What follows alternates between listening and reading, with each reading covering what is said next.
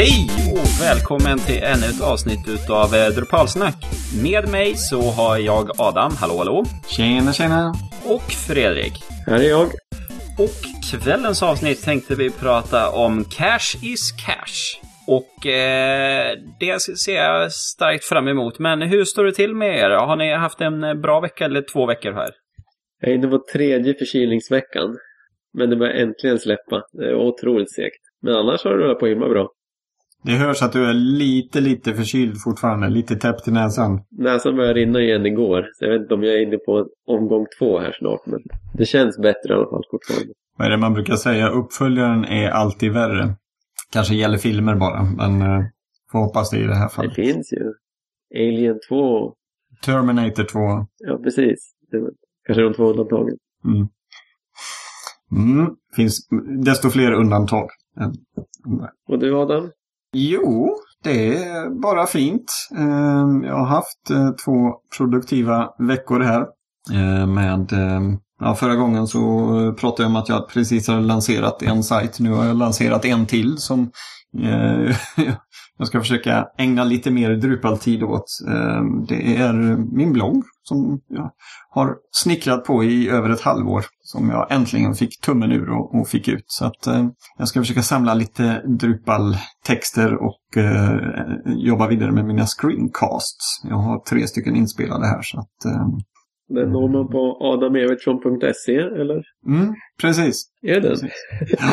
Tidigare hade jag bara en, ja det var faktiskt en Drupal-sajt, men den pekar mot en, en nod bara. Men eh, nu har jag äntligen sjösatt den.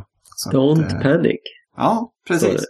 Det, man kan, väldigt kortfattat, få inte panik. Det är ju, Drupal är så otroligt stort och det finns så många sätt att lösa alla frågor på, så få inte panik. Det, det är så jag tänker. Plus att jag älskar Douglas Adams och Liftarens guide till galaxen och där har vi ju Få inte panik, eller Ta det lugnt stod, blev nog den svenska översättningen. Men Don't panic stod det på den här Liftarens guide som eh, figurerar figurerade i dammboken. Så att det är en liten ordlek. Men där eh, har jag i alla fall tänkt att eh, skriva lite om Drupal, skriva om lite allt möjligt, men framförallt med tonvikt åt Drupal. Och som sagt, jag har planer för lite screencast så att jag ska egentligen bara få tummen ur och redigera dem så att de kommer ut på nätet. Så att det har varit två intressanta veckor kan man säga. Och till skillnad från dig så har jag inte legat sjuk, tack och lov. Gratulerar. Själv har jag klarat mig också ganska bra ifrån sjukdomar och så. I alla fall är ju februari känd för att vara vabruari. Eh, Exakt. Men eh, nej, jag har suttit och jobbat här nu med eh, webben7.se som eh, ska lanseras nu på torsdag. Så att förhoppningsvis så fungerar allt fint när det här avsnittet sänds. Eh, Så det har jag hållit på att jobba fram och tillbaka med Migrate och lite annan eh, byråkrati och så. Men eh, nu börjar jag känna mig i bra fas för lansering. Webben 7, vad, vad är detta? Lite snabbt. Webben 7. Vi har en lokal gratistidning som delas ut till alla hushåll som heter Tidningen 7. Mhm. De har ju då också lite nyhetslöp på webben som heter då Webben 7. Såklart. Så att eh, det är någon 17 000 artiklar och eh, en hel del ja, typ lunchmenyer och lite på gång event och så. Mm. Eh, så att det var en hel del data som skulle migreras från en, en eh, Microsoft SQL och eh, en .NET-lösning över till Drupal. Bra val. Ja, ja, men eh, det känns så gott, hyfsat bra. Eh, men eh, det är ju alltid när man kommer ifrån en, någon lösning sedan tidigare så är det vissa saker där som är väldigt smidiga och blir lite krångligt i Drupal och det tar tid innan man hittar lösningar för det hela. En sak som jag lägger väldigt mycket tid på det är eh, fetmarkera eh, poster i en select-lista. Eh, och använder man Form API så kan man inte lägga in eh, HTML eh, och markera upp rader i en selectlista.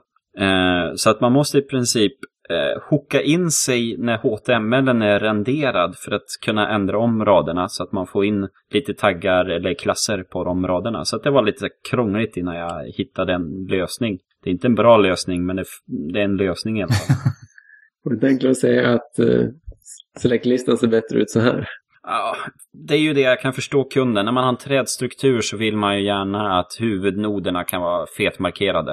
Det finns ju mycket bra JavaScript eh, jQuery-plugins, Chosen och lite sådana grejer för att ta hand om Select. Ja, Gör dem lite trevligare med sök och grejer. nej, så det är vissa saker som man tycker, ja men det här ska inte vara så svårt. Och sen så ägnar man tre timmar åt att googla och försöka hitta och sen så, ha, ha, mm, ja, ja. Och den här kommer att gå live lite senare i veckan då. Ja, vi Så- spelar ju in det här på tisdag kväll eh, och på torsdag så går den live och jag har Migrate eh, up and running så att jag har eh, kontinuerlig migrering över med senaste data. Så att de kan fortsätta använda sin gamla sajt men allt kommer över till det nya på en gång. Det är snyggt. Så då kan ni, ni som lyssnar här och kan gå in på webben7.se och kolla. Och sen har det ju varit lite OS också så att vi hade väldigt trevligt på kontoret i fredags när det var hockey. Så det, det är väldigt bra för eh, kamratskapsdelen där då. Men det är inte så bra för jobbet. Men det var det om eh, våra veckor och så. Nu ska vi prata lite cash och eh, vi börjar med lite frontend. Eh, det som sitter mycket i eh, JavaScript-delarna där. Hur mycket brukar ni fixa med sånt, eh, Adam? Ja, jag får väl nästan dela upp svaret lite privat och jobbmässigt. Privat så lägger jag inte ner så jättemycket tid på, på cache och prestandaoptimering. Så det här avsnittet kanske kommer bli en liten ögonöppnare. Jag brukar nöja mig med att försöka hålla naturligtvis filer så små som möjligt. Men och eh, då sätta på cache i Drupal, den interna cachen. På jobbet så har vi använt både Varnish och vad heter den andra här, Memcache i vissa projekt. Och, och naturligtvis då, det, de, vad ska man säga, lägsta nivån är ju att när live-sajterna går igång så har de ju den interna cachen igång. Eh, men sen är det lite upp till kunderna också vad de eh, tycker och kräver och- är beredda att, att pröjsa för. Eftersom i vissa fall så innebär det ju serverförändringar. Men det kommer vi till lite senare. Och du då Fredrik, brukar du ägna mycket tid åt frontend cachning och optimeringar? Jag har ganska mycket webbplatser som jag blir ombedd att titta på för att man tycker att de är långsamma. Så ofta när man ser på webb på groupstrupar.org och i forumen och sådär så är det ofta en himla massa snabba förslag om att man ska stoppa dit varnish och man ska slänga på massa teknik och grejer. Men ofta förutsatt att man har Drupals inbyggda kanske är igång, att man har aggression av CSS och CSS där som standard inbyggda i Drupal Core och man inte har några moduler som gör någonting riktigt dumt utan som att webbplatsen ändå är hyfsat okej. Så väldigt ofta så är det såna här äh, dumma saker som gör att så, så, i saker i fronten som gör att äh, webbplatsen känns långsam. Det är inte så många webbplatser som har en miljon besökare utan ofta handlar det om ett ganska fåtal besökare som servern inte har några som helst problem att hantera. Men det handlar om man har laddat upp en 2 megabyte stor bild på första sidan. Det händer. Så undrar man varför första sidan är så, lång, så långsam för. Ja, för att det är en 2 megabyte stor bild som man måste ladda ner varje gång. Mm. Eller att man har ehm, eh, en eh, lyckats få till en otrolig eh, massa div-taggar eller jättestora select-grejer som ska byggas. Att bygga riktigt stora eh, select-taggar i domen är ju, kan bli, när de blir nog stora så blir det segt.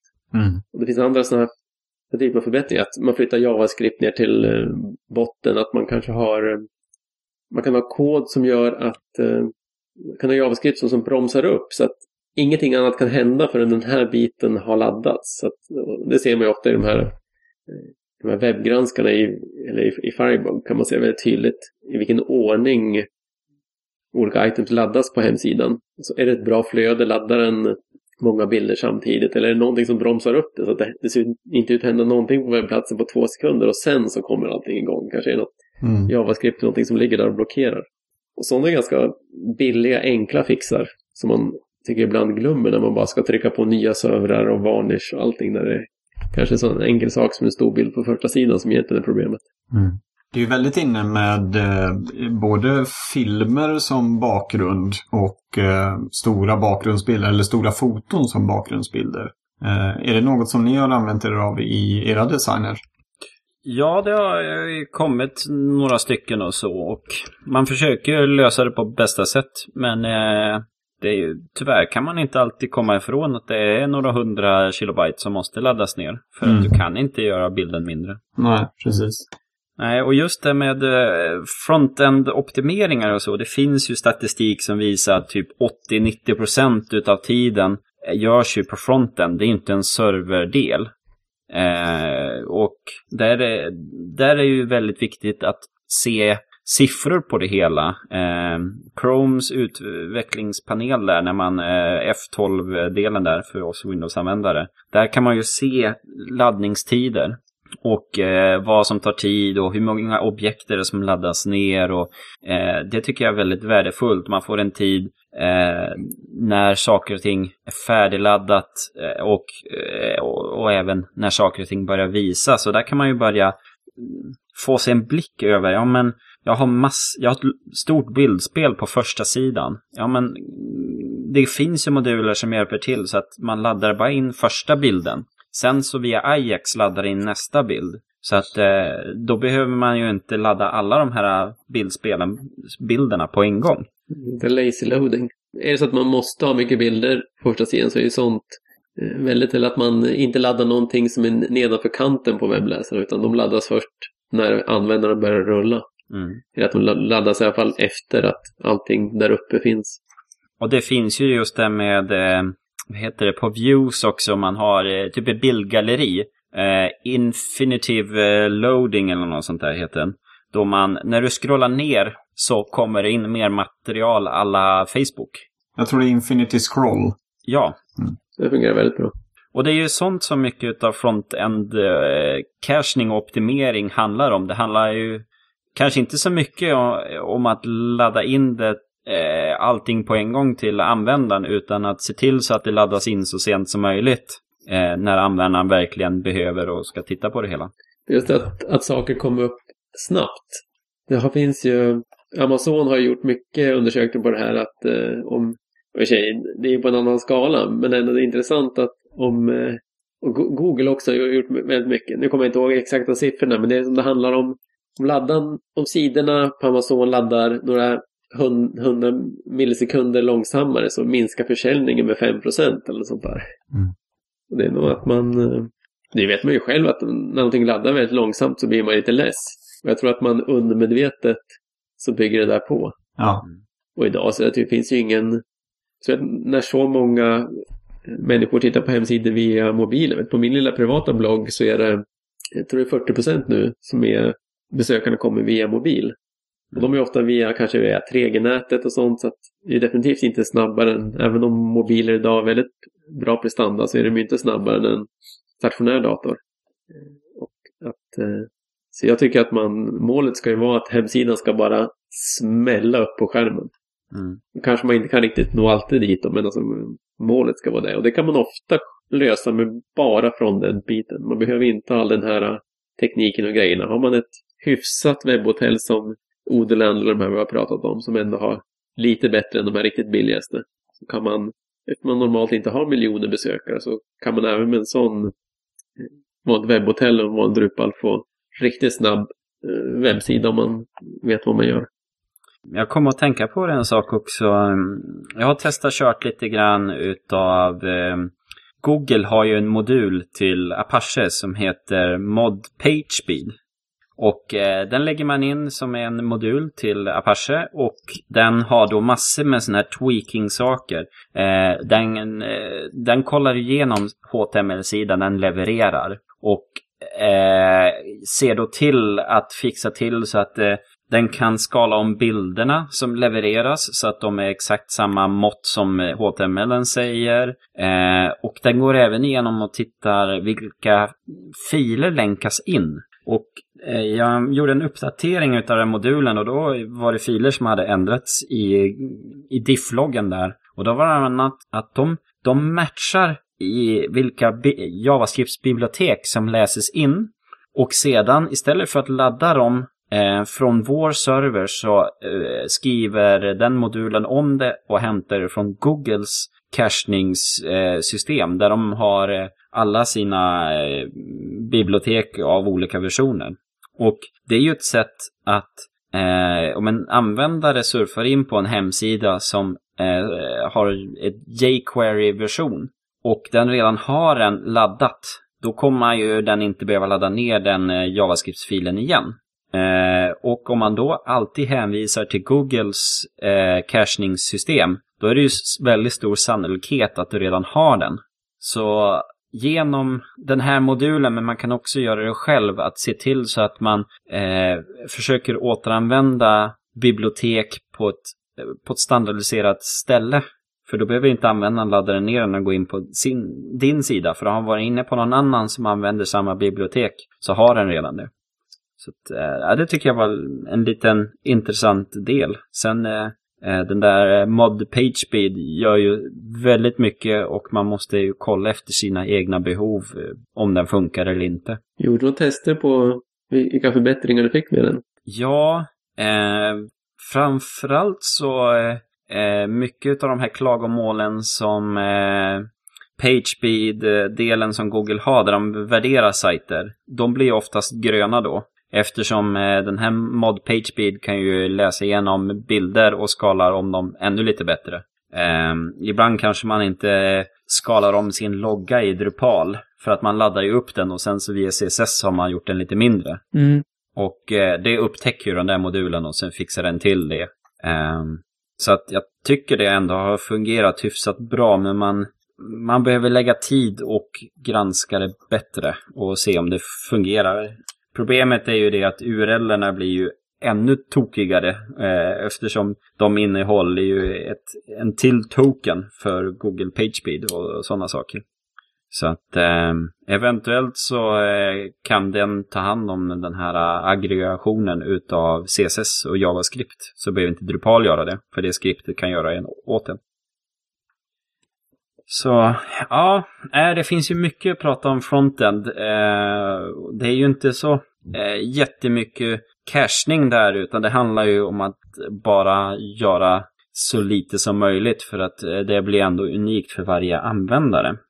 Men om vi går vidare då i lagren ner mot eh, server och så, så eh, kan vi då titta på Drupal cachning. Och där finns det ju mycket att göra. Vi, som alla vet så standardiserade cachningen. Man går in under configuration, eh, performance eh, och ställer på att eh, här ska det vara... Development cachning. performance. Ja, development performance. Och där ska man bocka i att CSS ska vara aggregerad och att eh, sidorna ska cachas för anonyma personer. Och sen finns det två tidsangivelser. Har ni någon...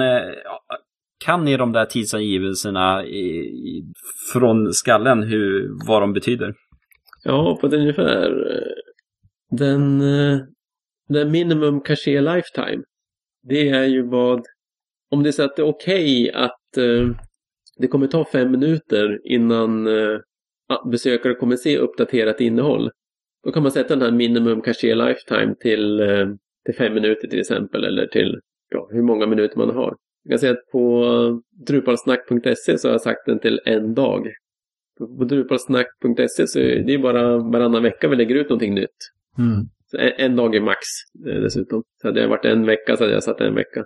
Så de, när vi lägger ut någonting nytt då varannan vecka, eh, då kör vi bara direkt en, en clear cache då. Och då, då uppdateras cachen med det nya.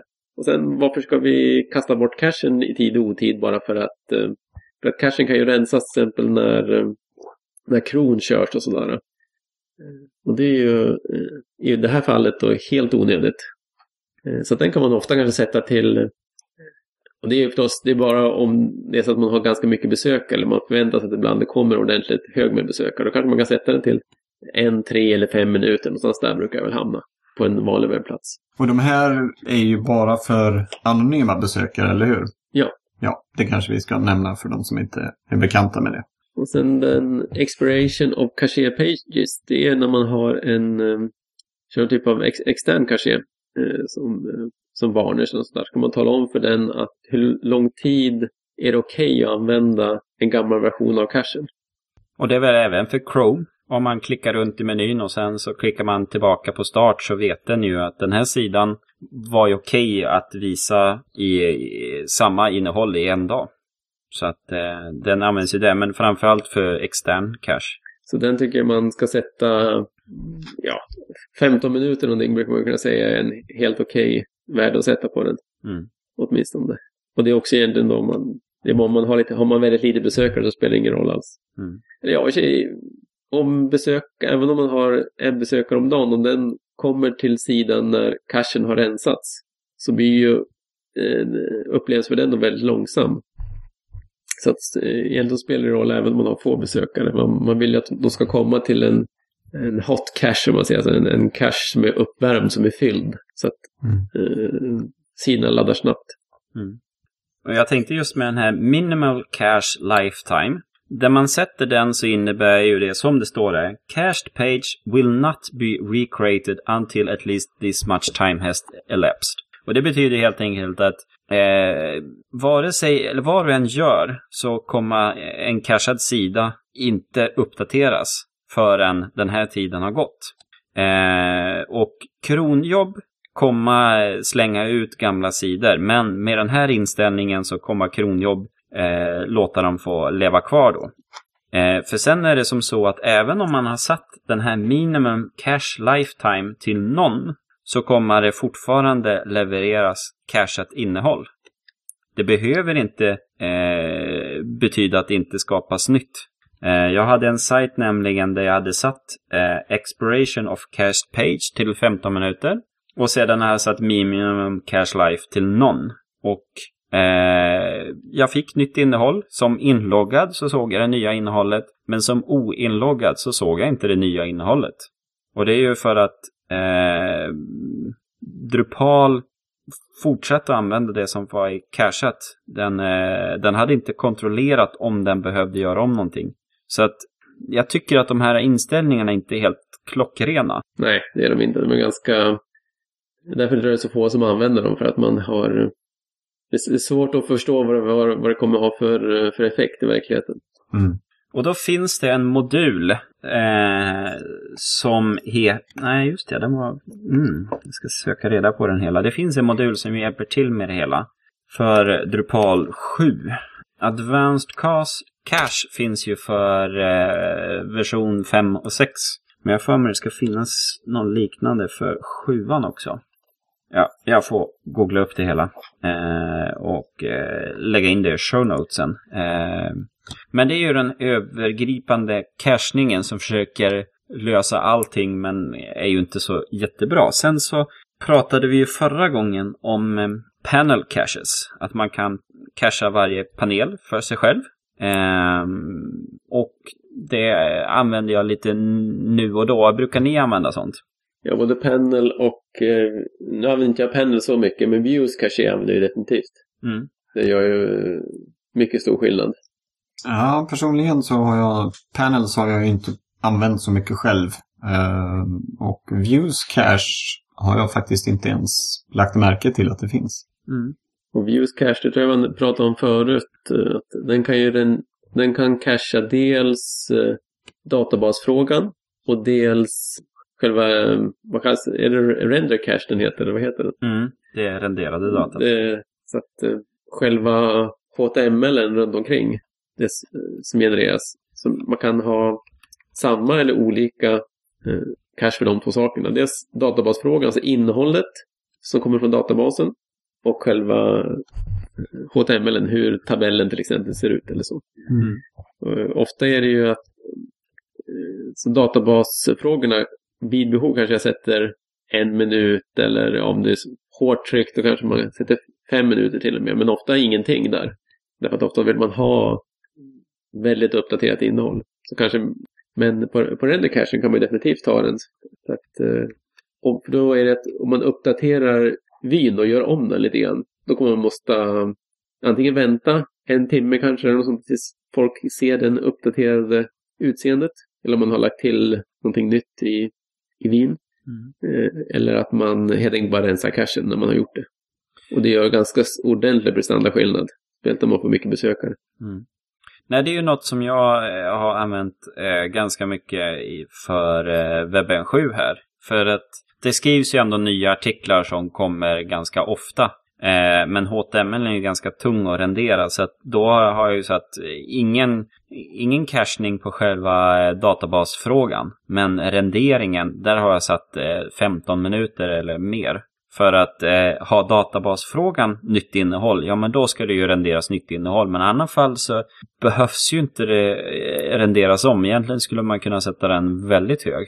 För att eh, då har datan inte ändrats och då ska inte det renderade ändras heller. Sen har jag tagit med en modul som heter Entity Cache. Den var Mm. på väg in i Drupal 7 men så eh, den hann aldrig med tror jag. Så då, är, då skrev de ihop en sån och la den i Contrib istället. Mm. Det den gör är att den, eh, den cachar, så när man kör Node Load eller User Load så, så laddar man ju alltid innehållet för, eh, för den noden eller för den och så samlar man ihop alltihop. Att det är massa databastabeller och sånt som, som samlas ihop. Och så får man den där jättestora arrayen och så kan man då rendera den och visa den. Och nästa gång man ska visa den här noden så måste man ställa en databasfrågan och samla ihop allt det här igen. Men med Entity Cache så cachas hela det här. så att har man, visar man mycket noder så kan man spara eh, man kan, eh, 10-15% snabbare går det ungefär med att ha en, eh, en Entity Cache. Så jobbar man mycket med entities, eh, noder och users och sånt och view modes, vilket jag gör som, och som display suit sånt gör. Då är Entity Cache eh, kan vara en poäng att titta på om man behöver trimma in sin server lite grann. Den ställer väldigt sällan till några problem. Jag har eh, några tillfällen haft eh, så specialsaker när man kör entity reference och vill göra beräkningar på andra, på noder som refererar till den och sådär då. Då clearar sig inte cachen riktigt som den ska. Så man får kanske lite gamla uppgifter men i de andra 99% av fallen så bara slänger man in den, aktiverar den och glömmer bort den. Mm. Det står ju på deras product page här att eh, om man inte har Memcache eller Redis så är det lite lönt att ha den här modulen Ja. eftersom databasen är tillräckligt snabb. Men jag håller inte riktigt med. och- För att eh, jag höll på här med webben 7 och sen hade vi en sån på gång eh, kalender. Och då är det ju det att alla, vi har event och eventen har i sin tur eh, tillfällen då de eh, används via Field Collections.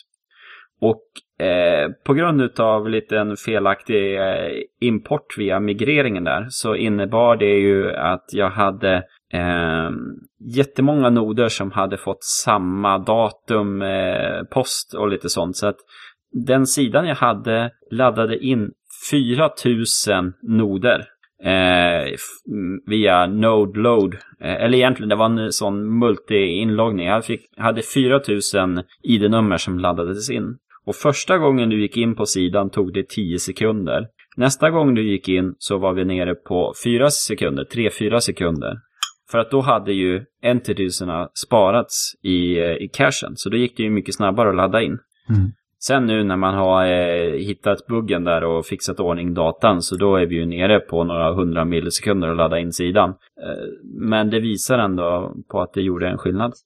Rätt stor skillnad skulle jag säga. Det är ju rejäl minskning från 10 till 4 sekunder. Mm. Men det, var en, det är nog riktig kommentar ändå att man har mest nytta av den när man kör med Mcache och Redis. Men den här kör man ju ofta på lite större webbplatser där man har- kör på en egen server. Och då är väl i princip standard att köra med Mcache eller Redis. Mm. Det är något liknande. Det är nästan så här. Ja, det bara kör man. Mm. Det finns ingen poäng att inte köra det. Vi kommer till dem senare här. Du då Adam, kör du något mycket cachning på dina sajter? Ja, både, både ja och nej. Eh, jag brukar aldrig säga ja eller nej ordentligt här. Eh, jag kör ju den interna Drupals cache. Eh, och ehm, jag gjorde faktiskt ett test på hur effektiv den var på två av mina sajter inför kvällens avsnitt. Och eh, på varför jag valde två var att jag började med min, eh, min nya, eller näst nyaste sajt, den här reklam från förr. Eh, och den laddade ju in ett gäng stora bilder eh, på första sidan. Och där, det blir ju, eh, ska vi se här, 1,6 megabyte med cache och komprimering avstängd. Så skickar den 1,6 megabyte. Och då var den nere på en load time på 2,80 sekunder. jag gjorde detta via Pingdoms eh, testverktyg. Och då fick den en, en performance grade av 62 av 100. Eh, vilket jag skulle tro är ganska dåligt. Sen satte jag på Drupals interna cache rakt av och bara på det så kom vi upp från 62 till 78 i performance grade och Eh, var nere på 1,76 sekunder. Så där sparar vi en, mer än en sekund, eller strax över en sekund. Och page size var plötsligt nere på 1,2 megabyte. Så att 400 kilobyte eh, försvann bort ifrån laddningen och det är väl mycket JavaScript och eh, CSS-aggregering skulle jag tro som suddar bort lite grejer. Eh, kan ni komma på något annat som skulle kunna om du slår på säga? CSS och eh, JS-aggregering så tar den bort mycket kommentarer och tomrum och grejer i filerna. Ja, precis. Så det är mycket sånt som har försvunnit bort. Ja.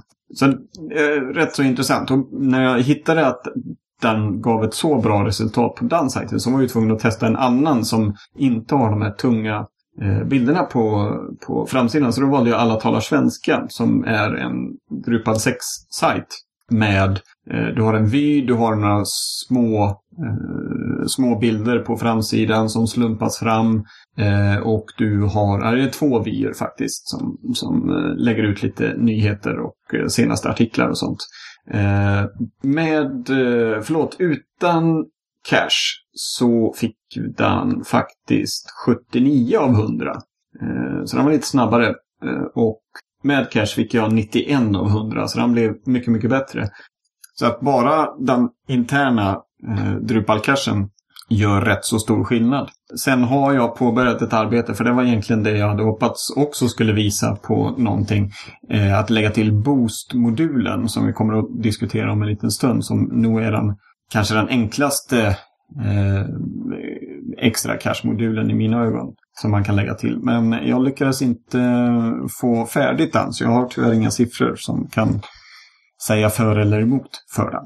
Eh, ett verktyg som jag brukar använda i själv just för att testa lite olika, det är ju ehm, Apache-verktyget AB.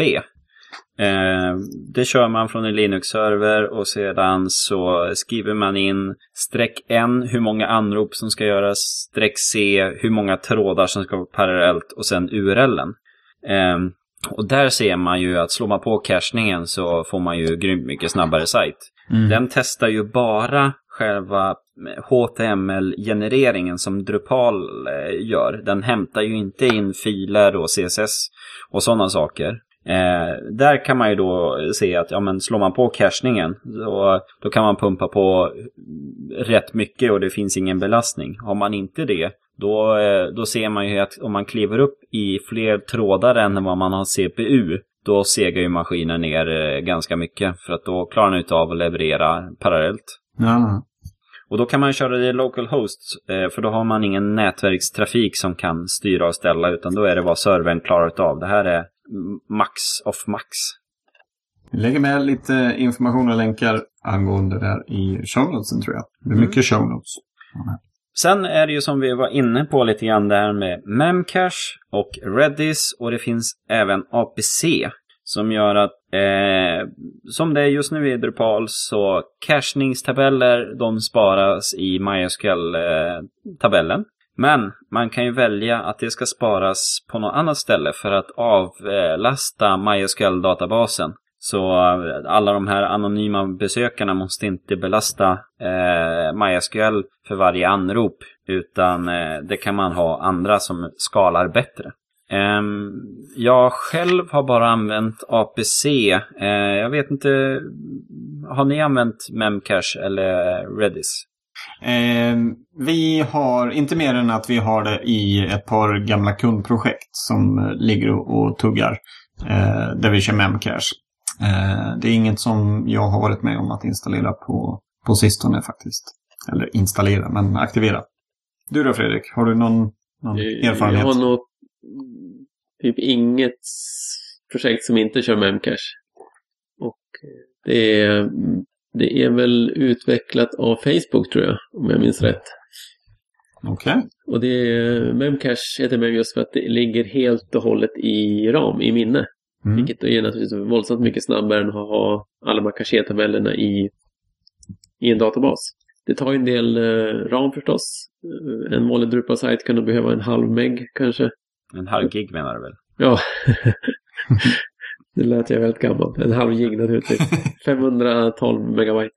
Meg, det var länge sedan man räknade saker. Mm. Eh, Och ett alternativ den är ju att köra Redis. Man håller på att bli mer och mer populär. En av de stora fördelarna med Redis är att eh, i Memcache kan inget eh, enskilt objekt ha mer än en megabyte. Och i Redis är nivån mycket större. Eh, Kan det vara 256 om jag minns rätt. Jag börjar köra en del projekt på, på Pantheon-systemet och de har eh, Redis installerat. Så att jag är på väg och ska börja testa det. Men jag har inte installerat det själv än någonstans. Men vem kanske, eh, kör man egen server, det är väldigt enkelt att få igång. Och en, på så pass mycket bättre prestanda så att det finns ingen orsak att inte använda det. APC använder jag ju bara som, eh, som en op-caché. Jag har testat någon gång att lägga använda det för caché-tabeller, men jag tycker jag fick eh, stora problem med fragmentering av APC, så jag har jag la det på hyllan. Ja, det är ju- just en nackdel med APC. Eh, att det blir lite fragmenterat. Eh, Prestandard så är den faktiskt snäppet bättre än Memcache. Men nackdelen är att så fort du startar om Apache så töms ju eh, APC-cachen. Medan Memcache ligger igång hela Mm. tiden. Eh, och sedan så är det det att använder man Drush så fungerar inte APCs cachning utan då är det ju Memcache som är bättre, eller Redis. Ehm, och som sagt, det är, ju, det är ju ingenting som man installerar hur som helst på en VPS-maskin eller några eh, billigare hostar. Utan man behöver ju ha lite mer minne eftersom man behöver en, en halv gig. Och det är ju bara en cachning, det är ju, kan ju växa också. Mm. Jag har nog VPS med neråt en... eh, Som, om de bara kör webb så kanske 2,5 gig i ram. Mm. Och då kör jag Memcache på dem. Ja, men 2,5 gig är ganska mycket för webben då. Du kan ju ha en webbserver på en gig också. Ja, ja visst, men det... Då har man, eh, om den kan köra på en sån liten VPS kan den ofta köra på ett webbhotell. Och har du en Memcache-server installerad så kan man ju koppla flera sajter mot den. Ja. Och har du ett serverhall så kan du ha en Memcache-server som olika webbservrar, olika fysiska maskiner ansluter till. Så att den, den skalar ju uppåt och du kan ha flera Memcache-servrar som fungerar tillsammans också. Så att det är ju ett system som verkligen skalar. Om man ser att de sitter på samma gigabit-switch så att det är snabb kommunikation mellan maskinerna. Men det fungerar så utmärkt och skalar väldigt bra. Det är en av styrkorna med Memcache just att du kan, det kan eh, skala väldigt bra så man kan köra på många maskiner. Men eh, för oss som inte sitter på VPSer och serverhallar och, eh, och sånt i garaget. Utan som jag då, jag har ju ett, ett vanligt webbhost eller webbhotell, hostat konto på ett webbhotell. Eh, är jag då, får jag nöja mig med vanlig Drupal cache och, eh, och kanske Entity cache? Nej, det, det var också mot egna servrar helst sa ni. Mm. Ja, då är det Boost som gäller. Ja, då, då är vi där, eller man ska säga. Jag tycker konceptet med Boost är jätteintressant. För att konceptet är ju det att eh, man sparar eh, HTML-filer färdiggenererade på disk. Så när Apache går in och ser att eh, vi ska ha den här sajten, då kollar Apache först efter HTML-filen och levererar den om den finns. Om den inte finns, då kör den igång Drupal som genererar den och man levererar den. Så att Eh, man cashar upp på disk och eh, ska ju då fungera i, på webbhotell. Har ni använt den någonting? Mm. Vi eh, på jobbet så använde vi det i ett projekt i höstas. En kris, en kommunal krissida. Eh, som ska gå väldigt, väldigt snabbt och eh, kunna skala upp eh, när det blir väldigt mycket besök.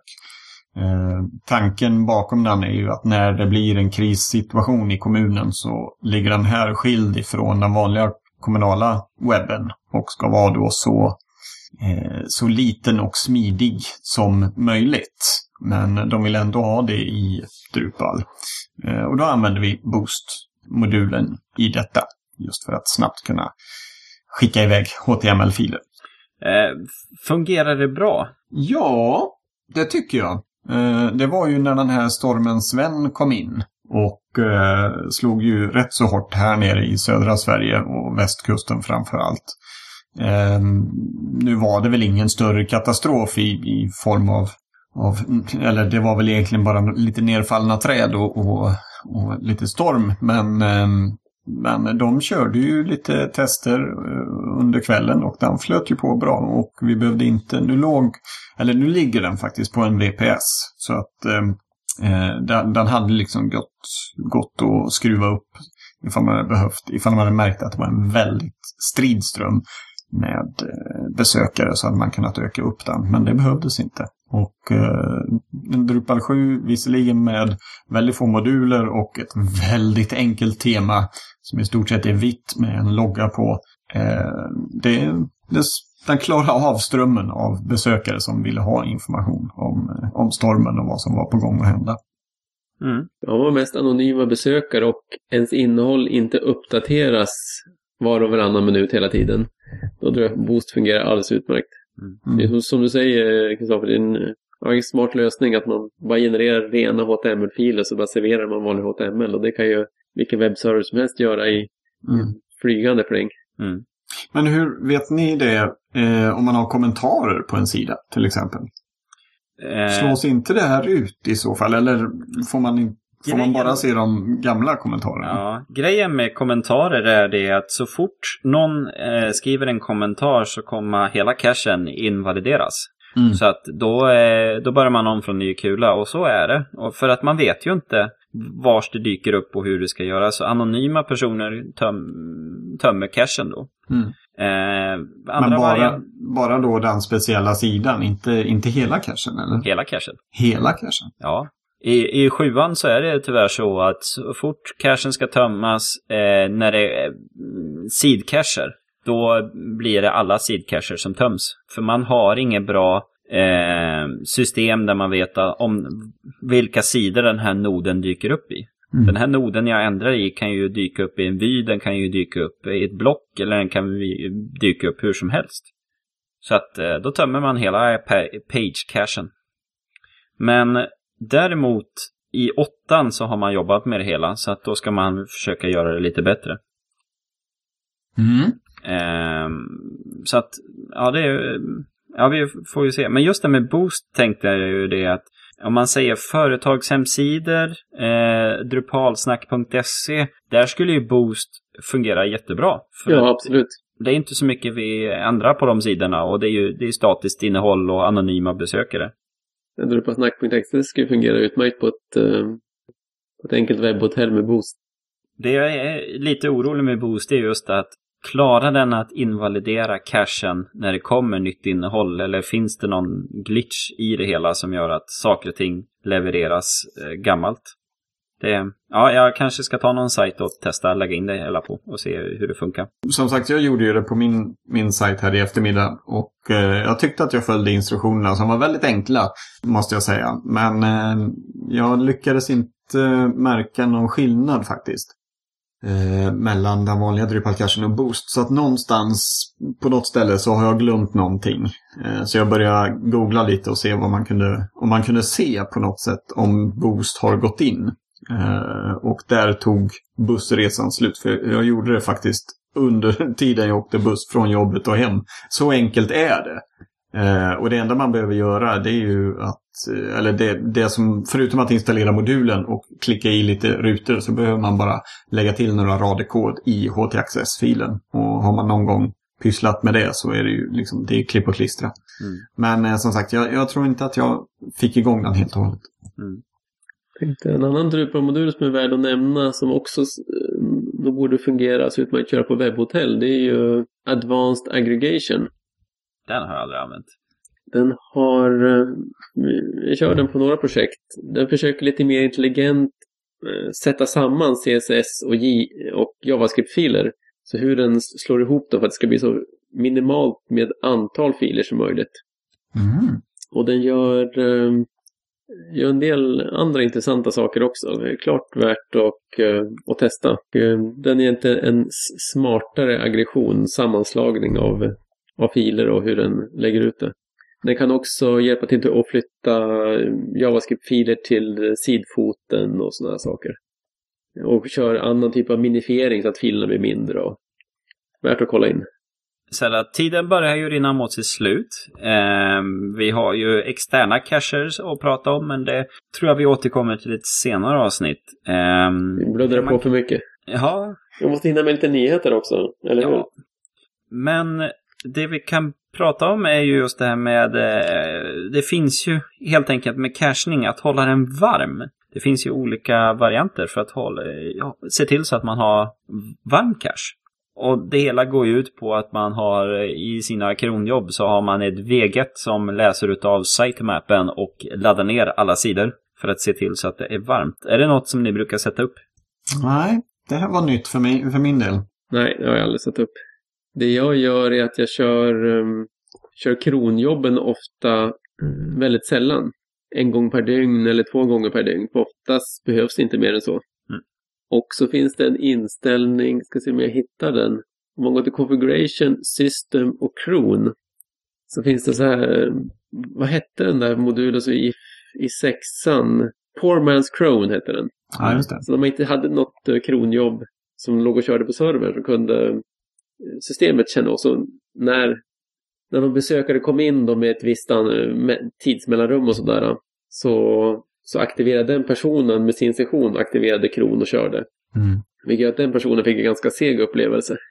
Och där, Mm. det här provmanskron är inbyggt i, i Drupal 7. Men det är så att man inte behöver det. Och eh, jag kör ju alltid servrar där man kan köra riktiga, riktiga kronjobb. Då går man till eh, Configuration System Cron och så sätter man till Run Cron Every och så sätter man Never där. Då kommer ingen besökare att komma dit och råka sätta igång kron och få en jätteseg upplevelse.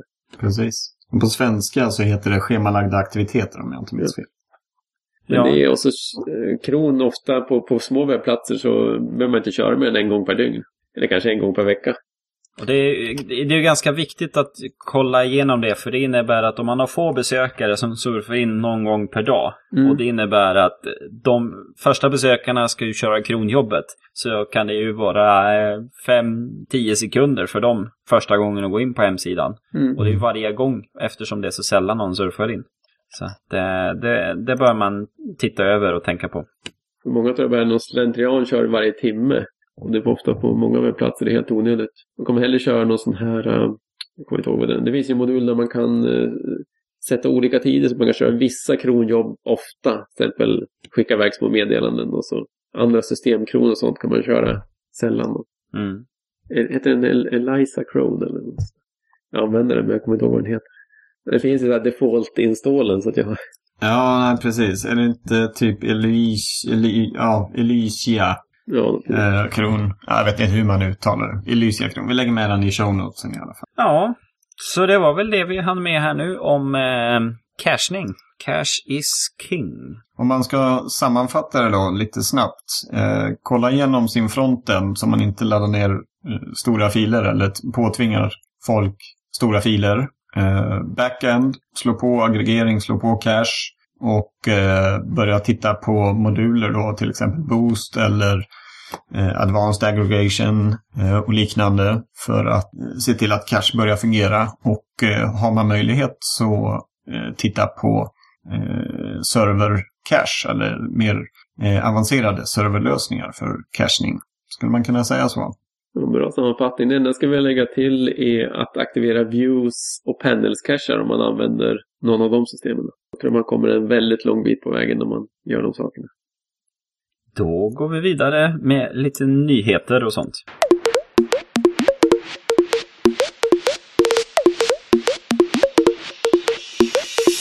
Drupal schnack.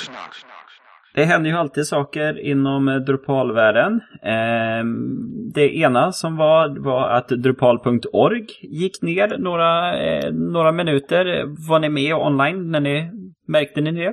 Eh, jo tack. Vet ni varför den gick ner? Nej, Nej. det vet jag inte. Det har kommit upp en nod över. Jag tackar för open source. Databasservern blev full på disk så att den kraschade, deras primära databasserver.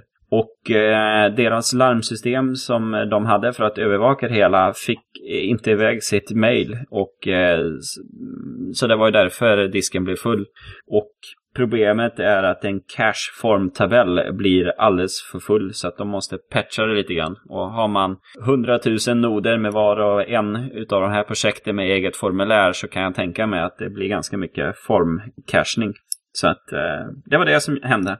Men de fixade ju ordning det hela på 20 minuter. Eh, en tokfix var ju bara att gå in och fixa ordning lite mer disk på maskinen. Så det var det.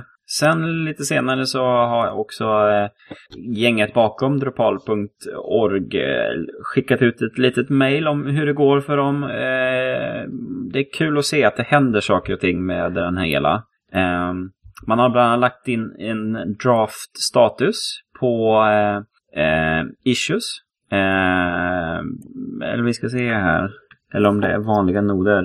Eh, man håller på att fixa ordning lite i Git repositoriet för sajten. Det har blivit lite fel. Man håller på med en liten OpenStack-kluster. Man har en ny databasserver och man har lite mm, Drupal.org mm, metrics.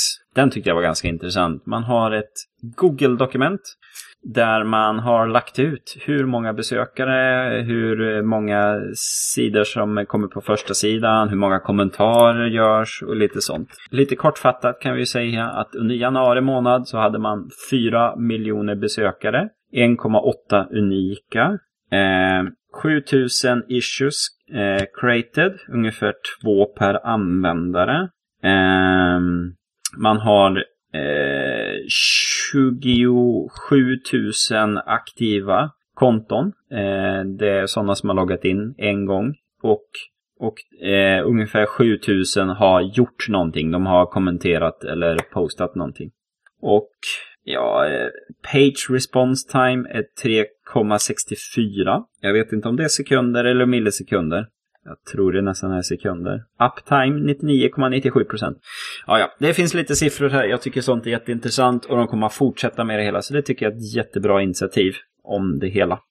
Och en annan nyhet är att man håller på att börja titta över eh, semantic versioning. Så att man ska lägga till en till eh, decimal i sina versionsnummer och ha lite mer regler på vad som gäller. Att eh, API-förändringar gäller första siffran, eh, vanliga förbättringar, minor blir andra siffran och patchar blir tredje siffran. Så att det är någonting som kommer dyka upp i åttan kring det hela. Och sen har vi lite nya sajter. Eh, du Adam lanserade en sajt i, i, i samband med förra avsnittet men sa ett, ljud på grund av er kund. Men ja. eh, Lindholmen Science Park. Lite kort, vad är det för sajt? Eh, Lindholmen Science Park är ett område i Göteborg som eh, arbetar för att stödja och Eh, Eh, verka för eh, utveckling eh, i Göteborgsområdet. Eller att eh, företag etablerar sig där och eh, forskar och hittar på nya häftiga grejer. Och vi på Kodamera, vi byggde förra sajten som om jag minns rätt kom 2010 eller 2011. Jag kommer faktiskt inte ihåg. så det var en Drupal 6. Och eh, de har många olika projekt som de drar igång och eh, får eh, både EU-stöd och eh, regionalt stöd. Eh, så att när den nya sajten nu väl började byggas så ville de få in en, eh, någon smart lösning för de här projekten. För de här projekten behövde ofta en egen hemsida. Så vi har gjort några små sajter både inom Lindholmen och Eh, separata Drupal-sajter under, under den här tiden. Eller de senaste åren. Men i och med att de uppgraderade och byggde om sajten så har vi tagit med Domain Access-modulen. Så att eh, i det här nya systemet som de har då, Drupal 7, så kan man väldigt enkelt eh, sätta upp mikrosajter eh, via Domain Access där de antingen får en subdomän eller en helt egen domän. Och, Eh, och så sköts allt inifrån Drupal. Och jag tror att eh, det är nog den enda webbplatsen som Kodamera någonsin har gjort och kanske är ensam i hela världen om att använda Color-modulen. Eh, denna modul som ingen använder för att sätta färg på teman eller byta färg på teman. Nej, nu skämtar jag lite. Den används, men inte så ofta. Eh, så att via den så kan de sätta olika färger på de här subsajterna eller mikrosajterna. Eh, och det är väldigt smidigt, funkar väldigt bra. Jag har pysslat lite med Domain Access-modulen i eh, just olika kundprojekt. Och, men det här var första gången i sjuan. Och de har jobbat lite på den. Den är väldigt smidig att sätta upp Mm. extra sajter på det här sättet.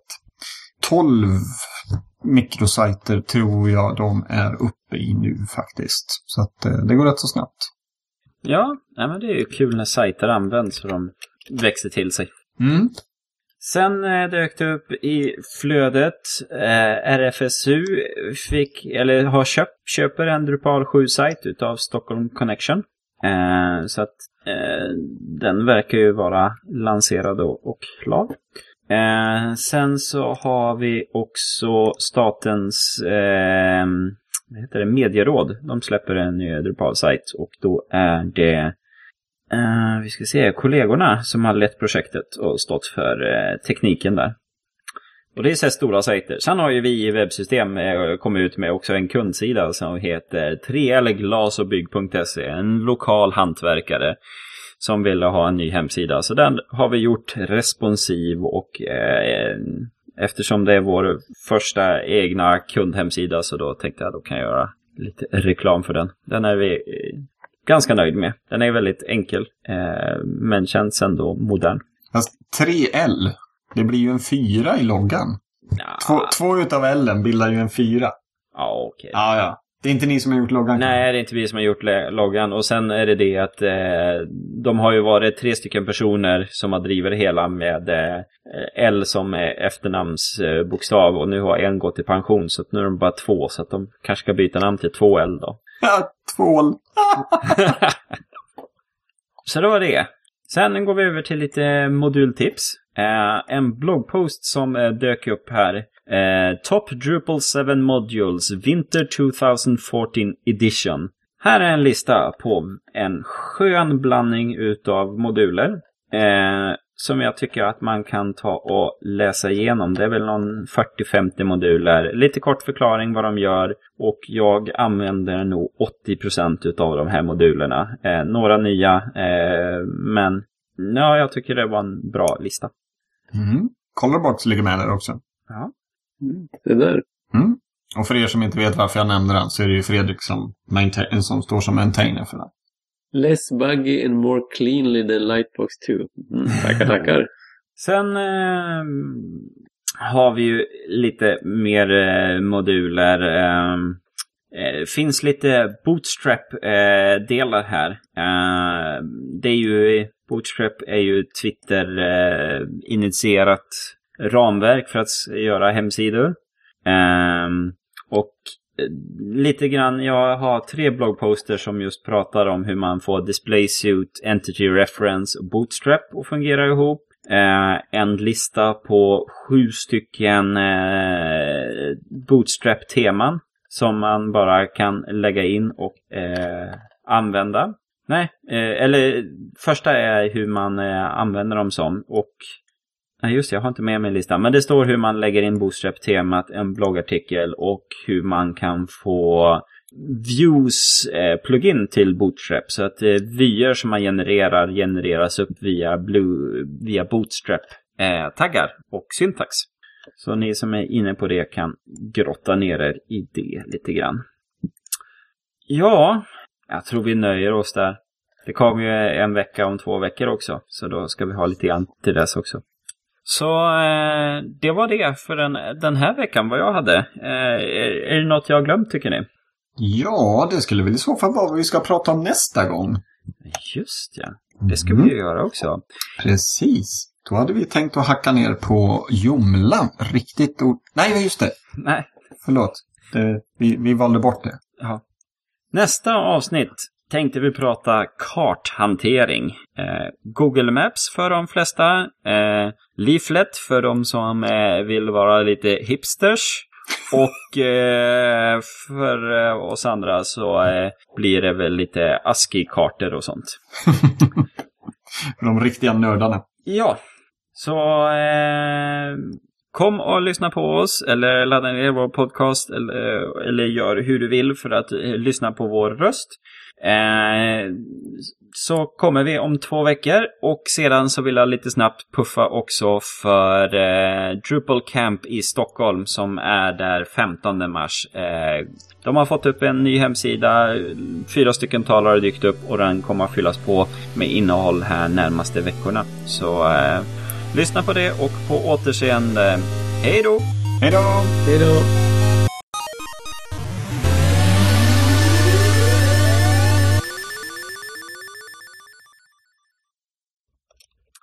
Ja, det var det. Mm, det var det. Vi drog över lite i den här gången. Eh, mycket att prata om. Det finns mycket cache-moduler och liknande. Eh, jag tror det är precis som när vi pratade panels första gången att det här är säkert något som vi eh, har möjlighet att återkomma till. Eh, speciellt kanske sen när åttan släpps.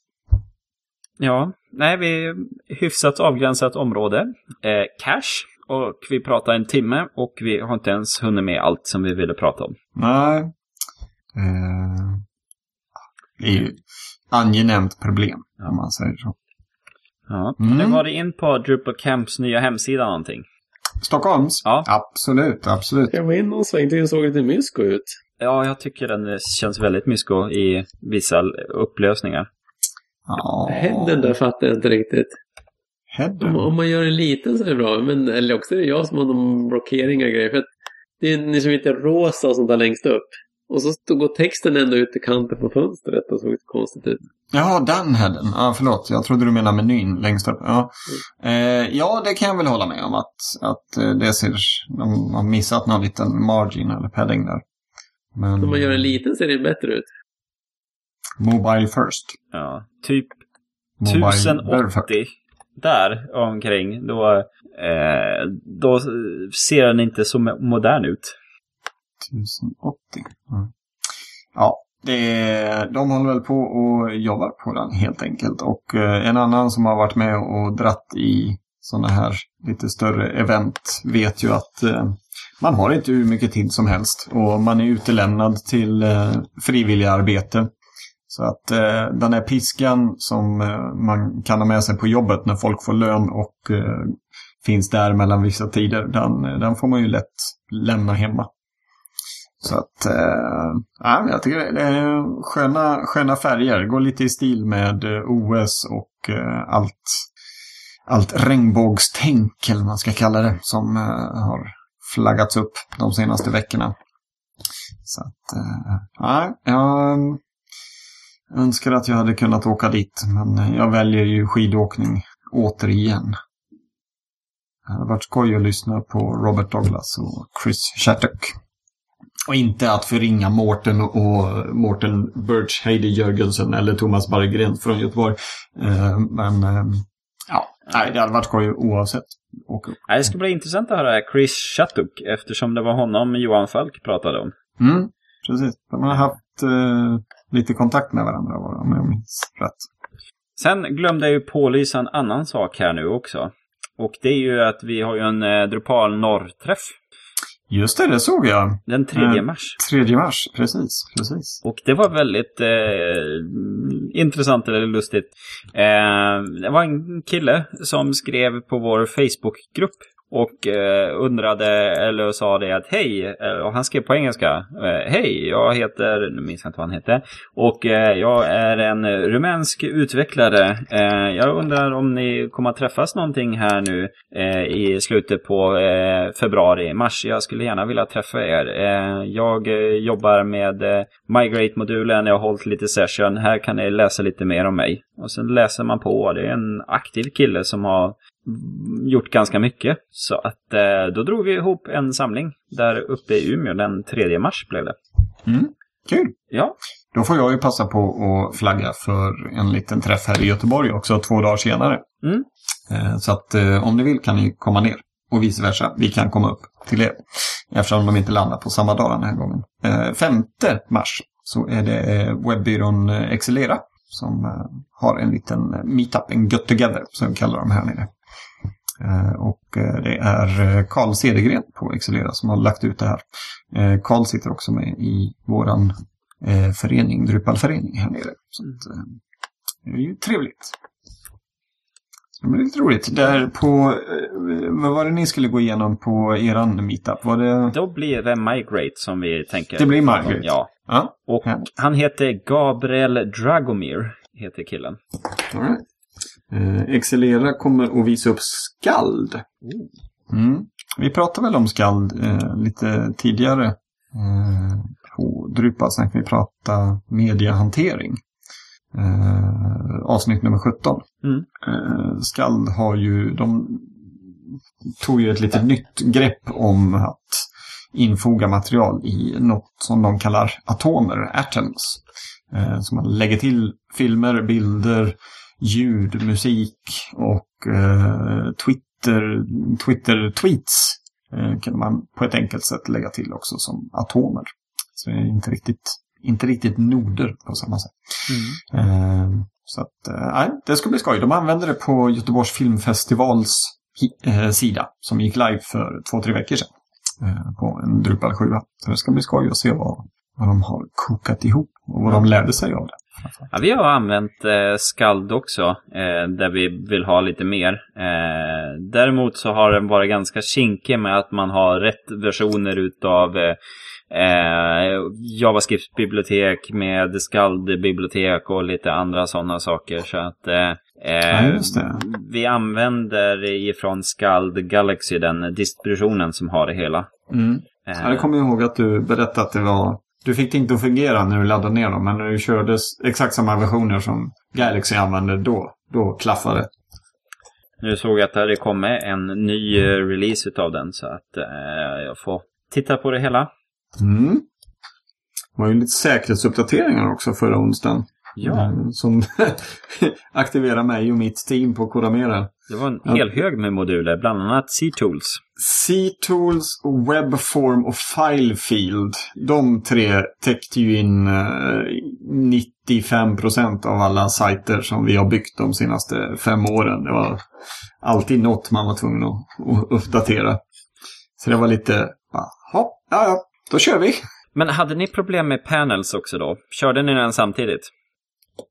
Panels? Panels har kommit med en vanlig uppdatering.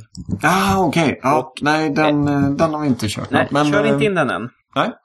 Eh, det finns en uppgraderingsbugg som eh, gör att om man... Eh, för att ofta... såhär, C-tools kommer ju och alla som kör panels har ju C-tools och då uppgraderar man ju det som finns. Eh, men problemet är att... Eh, jag ska söka reda på det hela. Det är en tabell som måste skapas eh, innan man kan köra Drush Up. Eh, så att man får ladda ner den nya versionen och köra en update DB innan man kan köra Drush Up. För att Drush Up eh, mm, så här, hänger sig mitt i. Mhm. Så att eh, det kommer nog snart en eh, riktig uppgradering utav panels för det hela. Ah. Fast, okej. För jag körde faktiskt en uppdatering av Panels idag. På en sajt som, som hade problem just en, en integration mellan, mellan eh, Panels och Views. Eh, och då passar vi, eller då testar vi att uppdatera Panels bara för att se ifall det kunde lösa det. Eh, och den var ju inga problem. Det hände ingenting. Det gick att uppgradera. Då hade du tur. Då, jag drog vinstlotten. Ja. Nej, Ja. det är en issue som skapades för eh, ja, tio dagar sedan och den har 60 kommentarer. Okej, ja. Då hade jag extremt tur. Så att eh, det är allt ifrån att eh, lösningar och att skapa den tabellen manuellt innan man uppgraderar till att man eh, uppgraderar i olika nivåer, olika lägen, att man ska tömma cachen emellan och lite sånt. Mm. Men du Kristoffer, när vi ändå är inne på, ehm, på uppdateringar och sånt. På fredag så ska jag börja titta på Ägir. Och Ja. det kör ju du. Eh, vi har en sån kreativ fredag på jobbet eh, som dyker upp lite då och då när vi får i stort sett ägna oss till vad som helst. Bara det är något som, som vi lär oss något av. Eh, och, och ja, det ska ju helst främja arbetet också naturligtvis. Men då tänkte jag börja kolla på Äger, för det har inte vi använt innan. Eh, har du några tips om vad, vad jag ska tänka på, vad jag absolut ska akta mig för? Eh, ja, lite sånt. Eh, det du ska göra är att eh, ha en egen virtuell maskin du installerar på. Mm. För att eh, den kommer ju skapa en, en Ager-användare på den maskinen. Ja. Eh, I övrigt så eh, fungerar det ganska smidigt nu. De har ju eh, paket och sånt för det hela. Så att eh, det är ju på den hemsidan så har man som en samlingssida. Mm. Och det där är kommandon du ska köra för att installera det hela. Um, dels så kör man ett kommando mm, för att Ja, för er som lyssnar på oss nu så kan jag säga att jag skickar saker på Skype till Adam. Och Mhm. jag skickar eh, Eigers projekthemsida. Vi ska lägga det i show notesen. Och sedan så är det fem stycken eh, Ubuntu-kommandon. Eh, man sätter in att MySQL ska bli säkert. För att en, en standardinstallation av MySQL innebär att det finns en användare. Eh, nej, eh, lokala användare kan ansluta som rot. Eh, så att eh, det vill man ju inte. Så det finns ett kommando för att säkra upp det hela. Och sedan lägger man in eh, en, eh, deras repository och uppdaterar lite eh, certifikat. Och sedan så kör man bara en apt-get install Ager 2. Fungerar lika bra på Debian. Ja, Ja. Vi, vi gör så att vi lägger med de här i, i våra show notes också. Det är, eh, eh, som Kristoffer sa, fem, fem rader eh, med kommandon och så är det en eh, URL till Agri Project.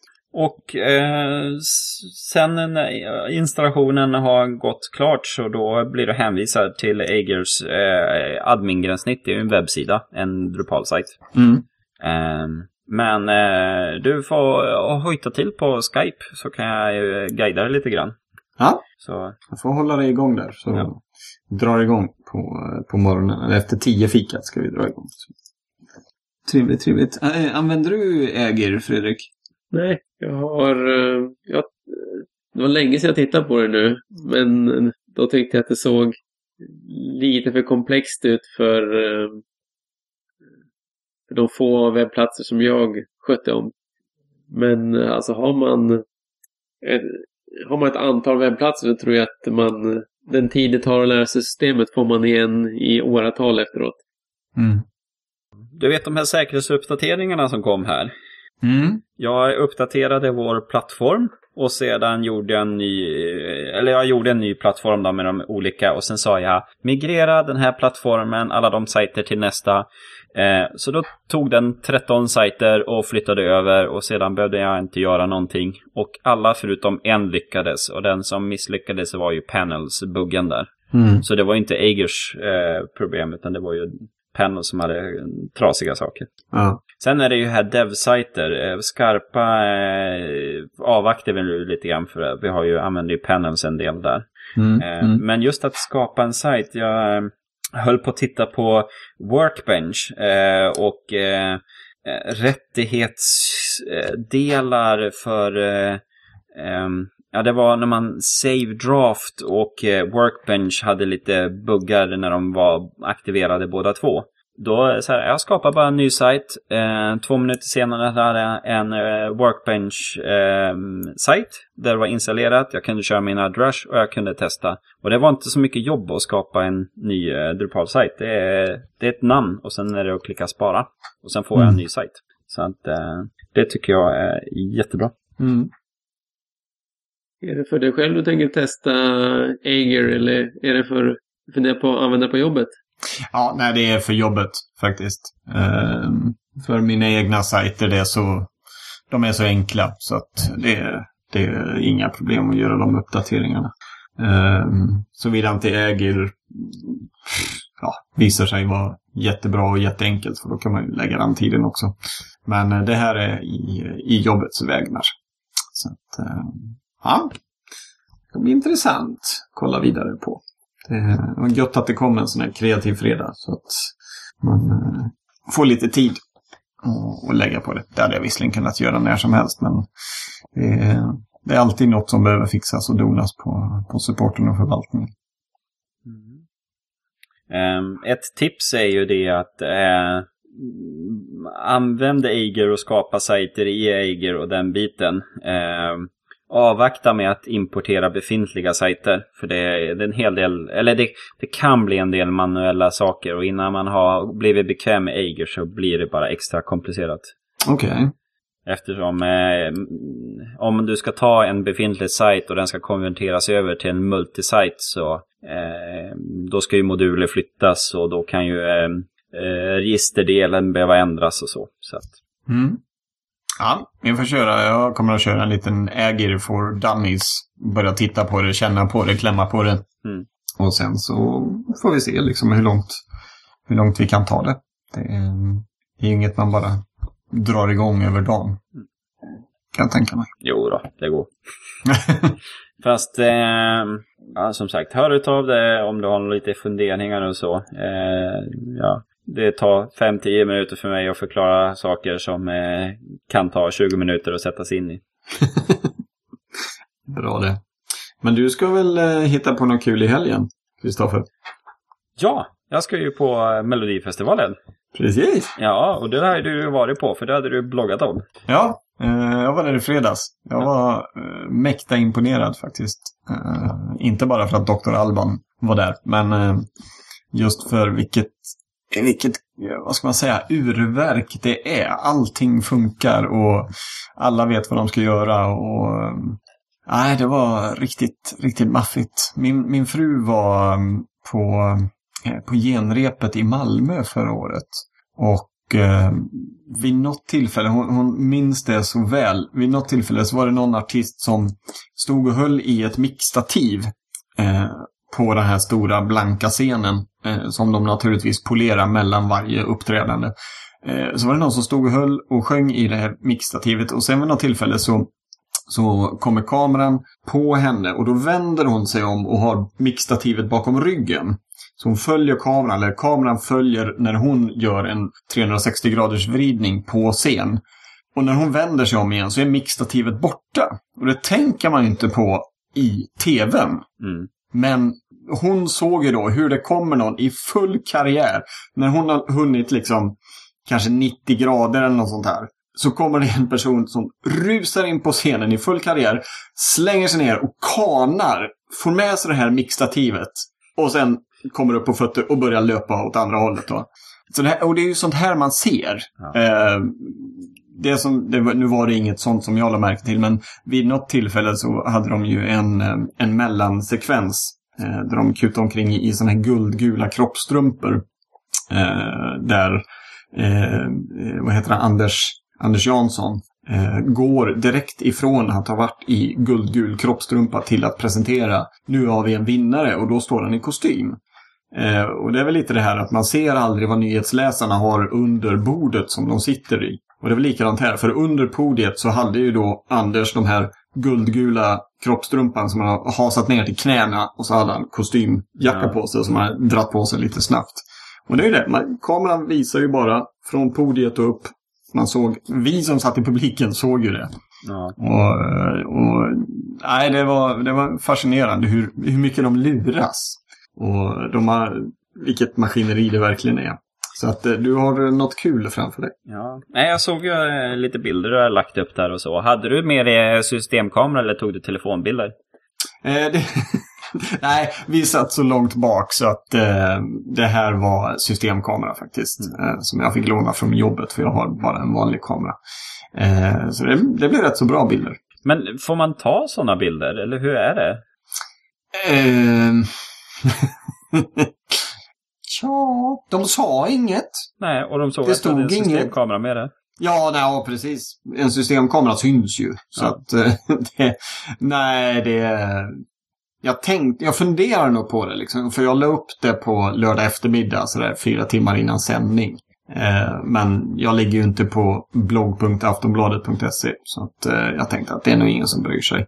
Och så småningom så kommer det om fyra timmar så är det här gamla nyheter liksom. Och det visar ju sig att det, det var ju ingen som brydde sig. Mm.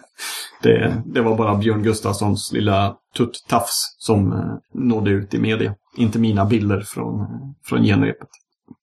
Skulle ni gå på genrepet eller går ni på Ja, vi själva... går på genrepet. Mm.